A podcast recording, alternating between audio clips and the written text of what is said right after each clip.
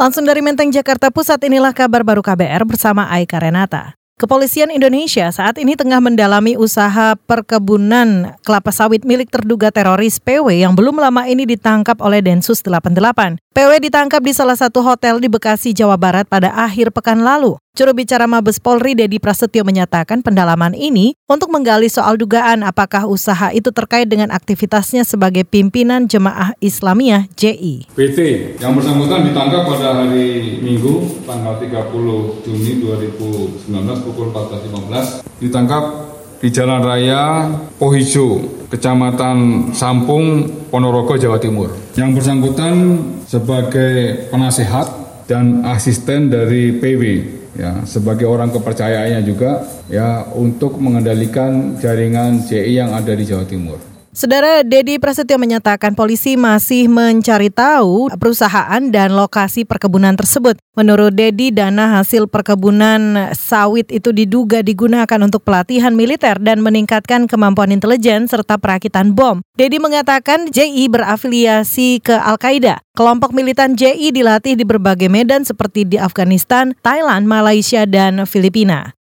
Kita beralih, Menteri Koordinator Bidang Politik Hukum dan Keamanan Kemenko Polhukam Wiranto meminta pemerintah Provinsi Sulawesi Tengah mempercepat rekonsiliasi dan rehabilitasi daerah terdampak bencana, seperti di Kabupaten Sigi yang terdampak gempa bumi dan likuifaksi pada 2018. Menurut Wiranto, hingga kini daerah-daerah terdampak bencana masih ditemukan banyak permasalahan semisal penggarapan rumah hunian yang tidak tepat waktu dan pembebasan lahan.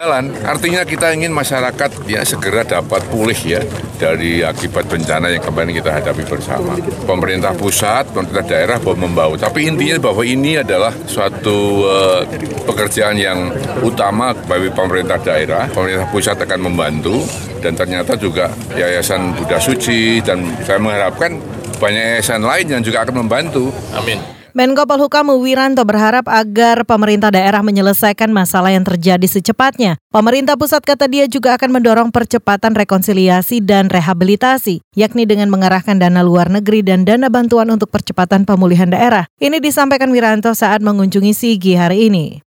Kita beralih saudara, Ketua Umum Partai Golkar Erlangga Hartarto menemui Presiden Joko Widodo di Istana Bogor hari ini. Erlangga datang bersama dengan 34 Ketua Dewan Pimpinan Daerah DPD Partai Golkar. Menurut Erlangga, para Ketua DPD Partai Golkar tersebut ingin mengucapkan selamat pada Jokowi yang kembali memenangkan pemilu presiden. Namun ia membantah pertemuan itu juga membahas jatah menteri bagi Golkar yang merupakan salah satu partai pengusung Jokowi. Bapak Presiden mengharapkan bahwa ke depan politik itu berkonsentrasi kepada agenda-agenda yang ada. Tentu agenda kenegaraan, ya tentunya terkait dengan uh, kementerian nanti akan dibahas lagi dalam forum yang tersendiri. Karena forum uh, siang hari ini lebih kepada silaturahmi dan kami mengucapkan selamat kepada Bapak Presiden. Erlangga menyatakan Jokowi sempat menyampaikan terima kasih kepada Partai Golkar yang ikut dalam kampanye pemenangannya di Pilpres lalu. Jokowi kata Erlangga ingin agar Partai Golkar ikut menjaga konsolidasi pemerintah pada lima tahun mendatang. Jokowi kata dia juga meminta para ketua DPD menjaga stabilitas politik menjelang pelantikan presiden dan wakil presiden terpilih hasil Pilpres 2019 pada Oktober mendatang.